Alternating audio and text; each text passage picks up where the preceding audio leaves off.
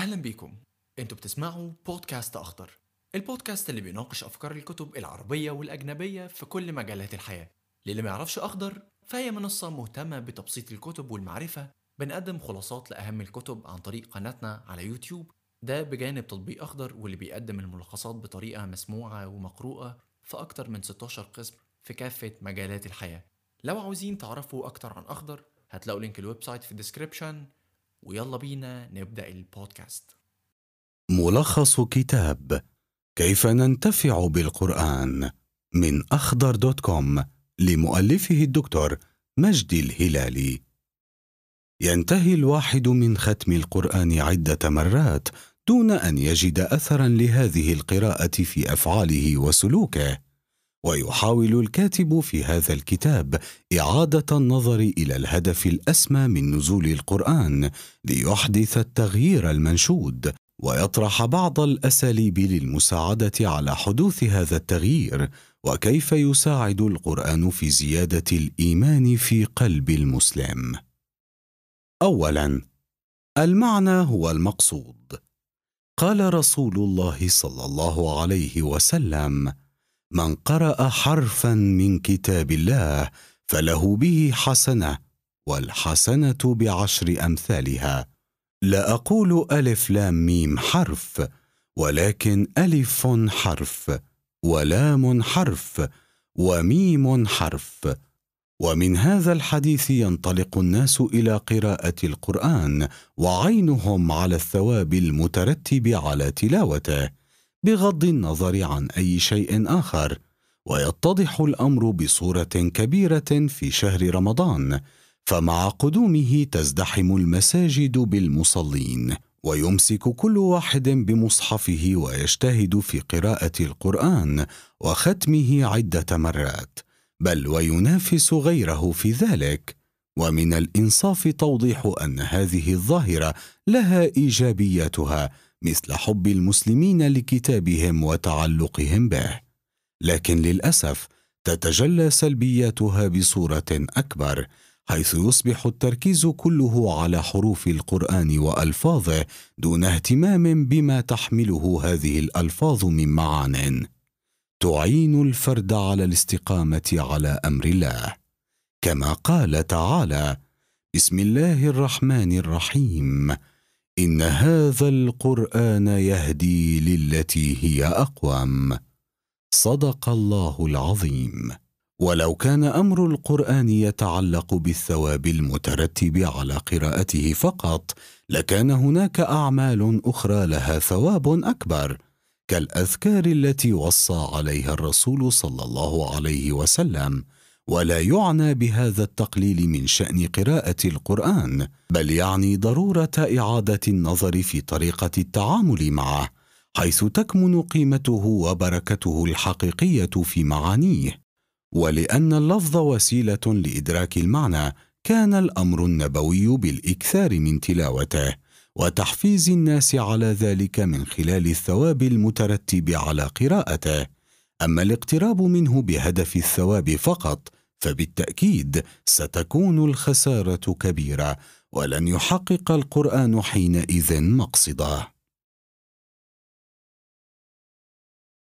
ثانيا التدبر وسيلة وليس غاية. تتضح في العديد من نصوص القرآن أهمية تدبره عند قراءته أو الاستماع إليه. ليصبح التدبر وسيلة للفهم والتأثر ثم العمل. يقول تعالى بسم الله الرحمن الرحيم. أفلا يتدبرون القرآن أم على قلوب أقفالها؟ صدق الله العظيم.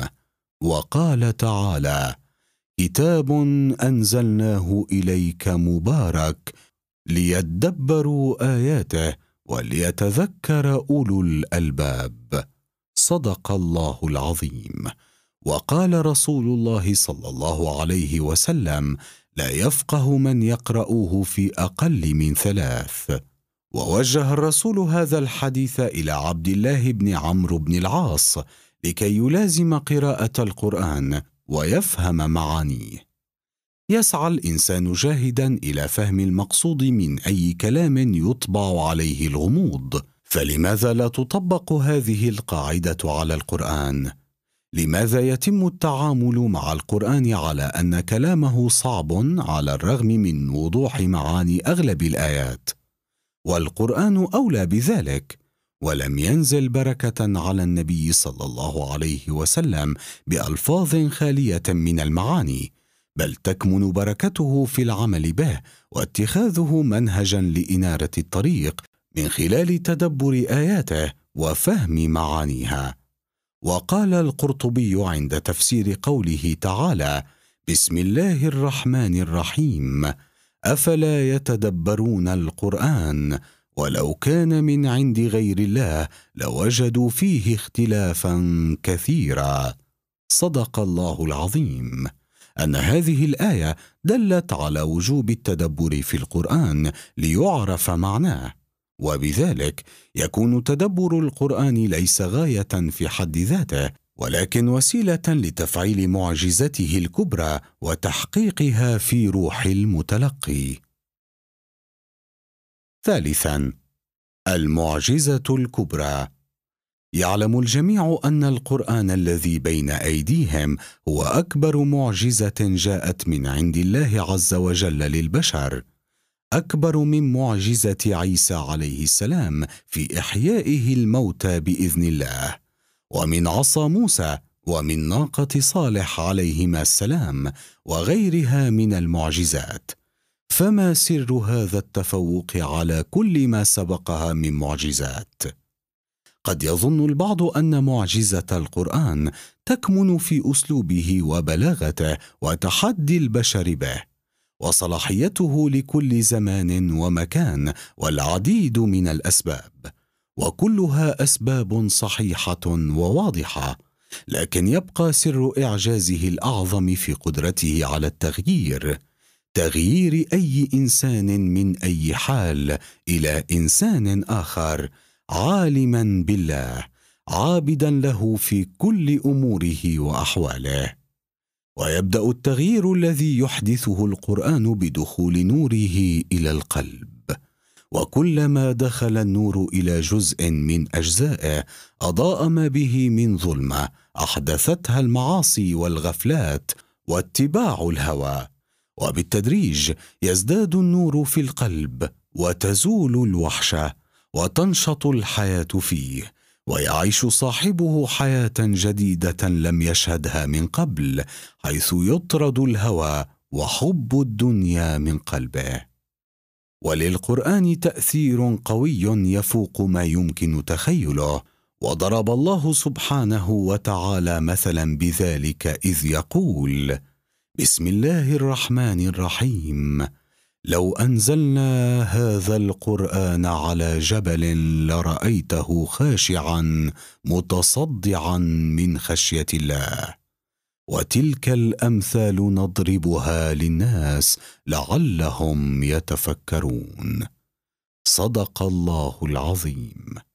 وفي هذا المثل دعوة للتفكير في قوة القرآن ليكون حجة على الجميع ويبطل دعوى من ادعى أنه ليس جديرا بالتدبر.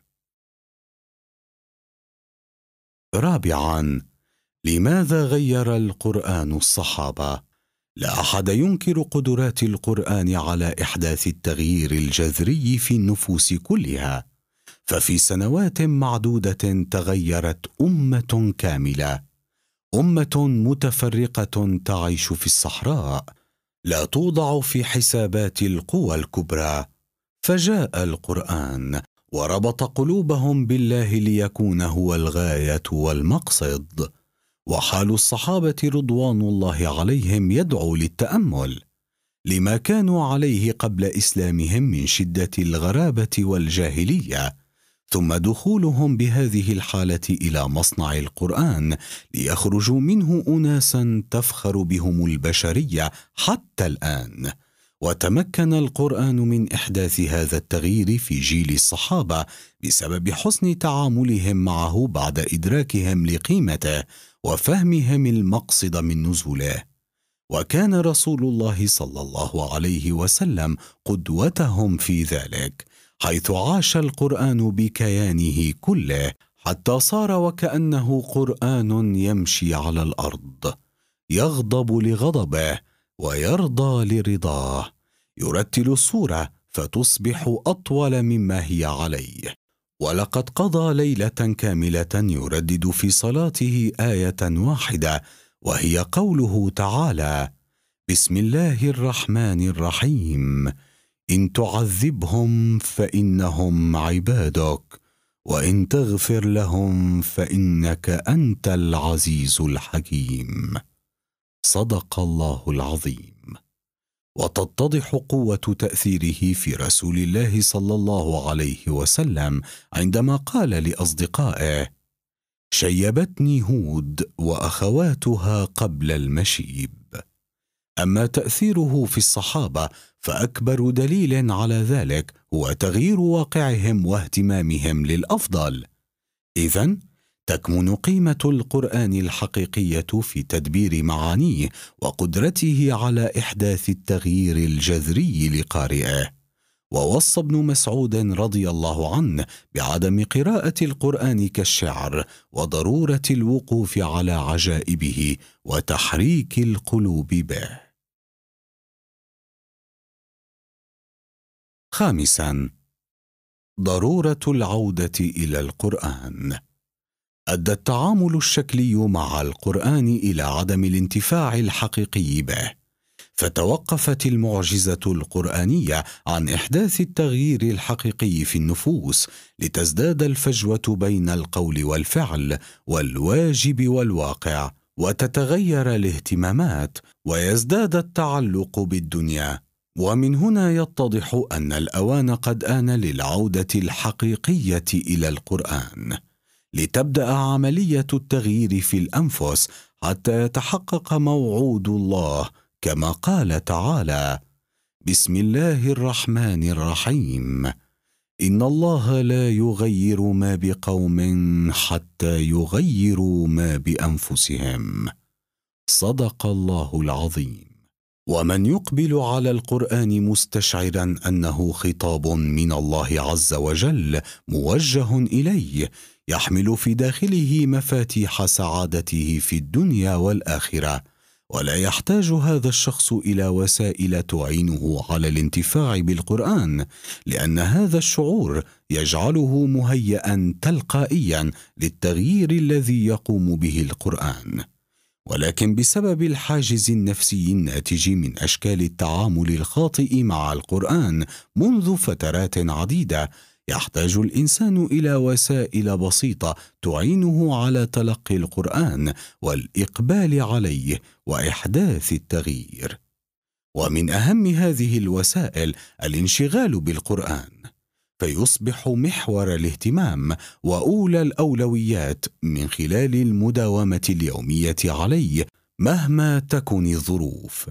فالتغيير القرآني تغيير بطيء هادئ متدرج ولكي يحقق نتائجه لابد من استمرارية التعامل معه.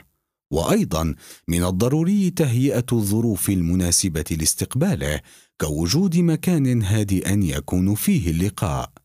فالمكان الهادئ يساعد على التركيز وسرعة التجاوب ويسمح بالتعبير عن المشاعر إذا ما استثيرت كالبكاء والدعاء وتهيئة المشاعر من خلال الدعاء وتذكر الموت.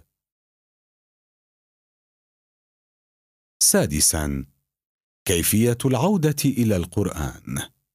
القرآن خطاب مباشر من الله عز وجل إلى جميع البشر. وهذا الخطاب يحوي أسئلة وإجابات ووعدا ووعيدا وأوامر ونواهي. لذا فمن الضروري التجاوب مع الخطاب القرآني من خلال الرد على أسئلته وتنفيذ أوامره بالحمد أو الاستغفار والتأمين على الدعاء. والاستعاذة من النار وسؤال الجنة. وكان هذا من هدي الرسول صلى الله عليه وسلم وأصحابه الكرام. وقد تساعد هذه الوسيلة على زيادة التركيز عند القراءة وعدم التشتت. وعندما يبدأ البعض في تدبر القرآن فقد يقف عند كل لفظ فيه مما يجعل التدبر عملية شاقة فيملون ويعودون إلى الطريقة القديمة في القراءة دون فهم أو تدبر ويمكن حل ذلك من خلال أخذ المعنى الإجمالي للآية ومحاولة معرفة المعنى من السياق كما يحدث عند قراءة مقال مثلا. وبهذه الطريقة تصبح قراءة القرآن بتدبر سهلة على الجميع. ولا يعني هذا عدم النظر في كتب التفسير ومعاني الكلمات فلا شك في أهمية التفسير في عملية الفهم ومعرفة الأحكام الشرعية التي لا ينبغي استنباطها من القرآن دون مساعدة هذه الكتب. ومع هذه الأهمية فمن الضروري أن يكون له وقته الخاص به. وغير المرتبط بوقت القراءة لكي يتحقق الفهم من خلال التفسير وإحياء القلب من خلال اللقاء المباشر في أثناء القراءة. سابعا القرآن وزيادة الإيمان. الإيمان محله القلب والقلب هو مجموع العواطف والمشاعر داخل الإنسان وعلى قدر الإيمان فيه تكون الأعمال الصالحة التي تقوم بها الجوارح وهذا يعني أن الإيمان مشاعر وأن لحظات التجاوب والانفعال التي تحدث في الدعاء أو الصلاة أو قراءة القرآن تؤدي إلى زيادة الإيمان في القلوب. فالقرآن من أهم وسائل زيادة الإيمان وذلك من خلال مواعظه التي تهيج المشاعر. ويحدث بذلك التجاوب بين الفكر والعاطفة وقد تكون لحظات التجاوب قليلة في البداية لكن بالاستمرار ستزداد بعون الله. ومن المهم استغلال هذه اللحظات عند حدوثها بإدخال أكبر قدر ممكن من نور الإيمان إلى القلب وذلك من خلال ترديد الآية الحادثة للتأثير وهذا ما كان يفعله الصحابة والسلف رضوان الله عليهم.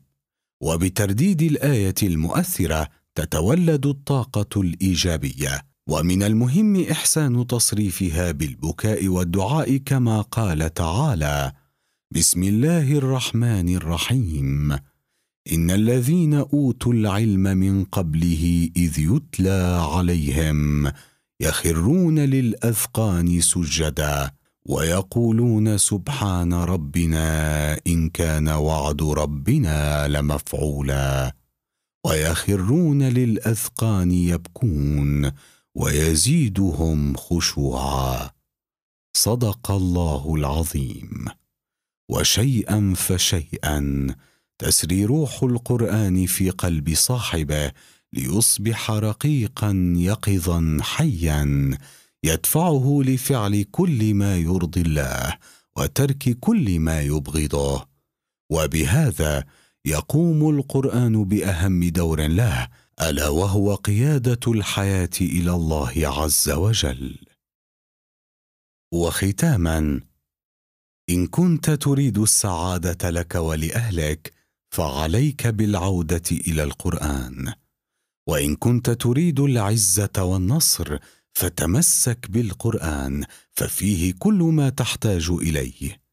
قال تعالى بسم الله الرحمن الرحيم. أولم يكفهم انا أنزلنا عليك الكتاب يتلى عليهم؟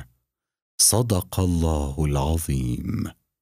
ولعل في قراءة القرآن وتدبره عزاء لنا عن المساجد المغلقة بفعل الوباء المنتشر ولعله يأتي شفيعا لنا يوم القيامة.